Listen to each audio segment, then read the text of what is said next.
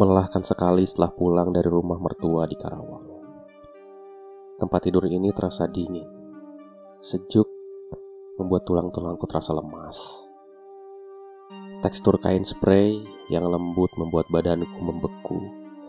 Sulit menggerakkan kakiku untuk beranjak sholat isya.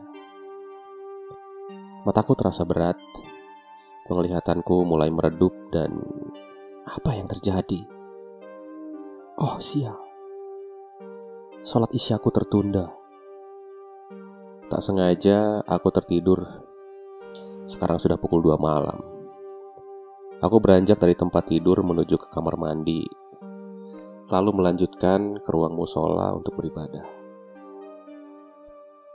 Rasanya mataku sudah tidak begitu mengantuk. Aku nyalakan komputer, lalu aku mulai bermain game. Ini memang menjadi kebiasaanku, bermain game di tengah malam. Namun malam ini berbeda. Aku merasa aura kamar ini sedikit ada tekanan. Bulu kudukku sering kali merinding tiap 10 sampai 13 menit. Abaikan saja. Hal-hal seperti itu memang tidak jarang terjadi. Aku tidak takut. Aku seorang pria yang tidak mempercayai hal-hal mistis. Hantu itu hanya dongeng saja.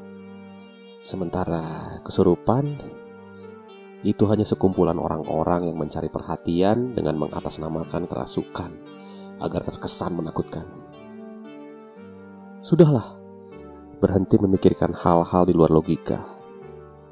Lebih baik aku fokus bermain game. Posisi dudukku bersebelahan dengan pintu kamar, yang mana dari tempat tersebut aku bisa melihat ke arah ruang tengah. Aku terbiasa mematikan seluruh ruangan ketika menjelang malam. Jadi, ketika itu hanya kamar tempatku bermain game yang lampunya menyala. Sial, aku terdesak. Darahku tersisa sangat sedikit.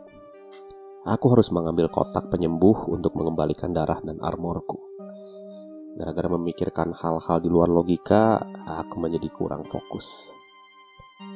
Baiklah, sudah cukup kita bermain-main. Saatnya aku menunjukkan kemampuanku. Seorang sniper yang dapat membunuh lawan dengan jarak yang cukup jauh. Headshot adalah keahlianku. Malam begitu hening, terasa tidak seperti biasanya. Area luar kamar yang gelap tidak jarang menyita perhatianku. Sesekali mataku melirik ke arah sana dan aku melihat ada bayangan seorang anak kecil berwarna hitam berlari ke arah kamarku, lalu berbelok ke arah kamar mandi dengan sangat cepat. Aku langsung menoleh ke arah luar. Lalu aku memeriksa situasi di kamar mandi. Ah, ternyata tidak ada apa-apa. Sial, karena sibuk memikirkan hal-hal yang tidak-tidak, pikiranku melayang ke mana-mana. Bayangan hitam itu bukan apa-apa. Ya sudahlah, aku lanjutkan bermain game. Peperangan yang seru ini membuatku lupa akan waktu. Tak terasa sudah azan subuh. Kebetulan juga leherku sudah terasa pegal. Sepertinya sudah waktunya aku berhenti dan beristirahat. Aku memasuki kamar mandi, lalu aku menyalakan air keran untuk berwudu dan beranjak mengambil sikat gigi, keoleskan odol ke bulu-bulunya. Belum ku mulai menggosok gigi, aku mendengar suara langkah kaki tanpa alas yang cukup lantang. Awalnya terasa lambat, lalu perlahan, kemudian semakin lama, semakin cepat. Belum selesai aku menggosok gigi, langsung kubuka pintu kamar mandi dan tanpa ragu kuarahkan pandanganku ke arah ruang tengah yang sangat gelap.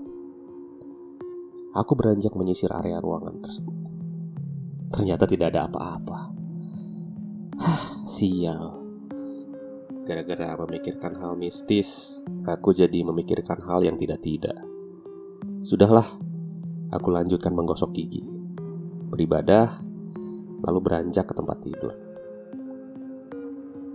Dan ternyata istriku sudah terbangun.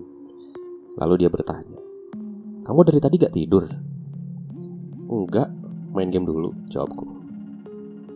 Dasar kebiasaan, jawab istriku dengan ketus sambil beranjak keluar kamar. Entah kenapa jiwa usilku terpanggil. Istriku salah satu orang yang percaya hal mistis.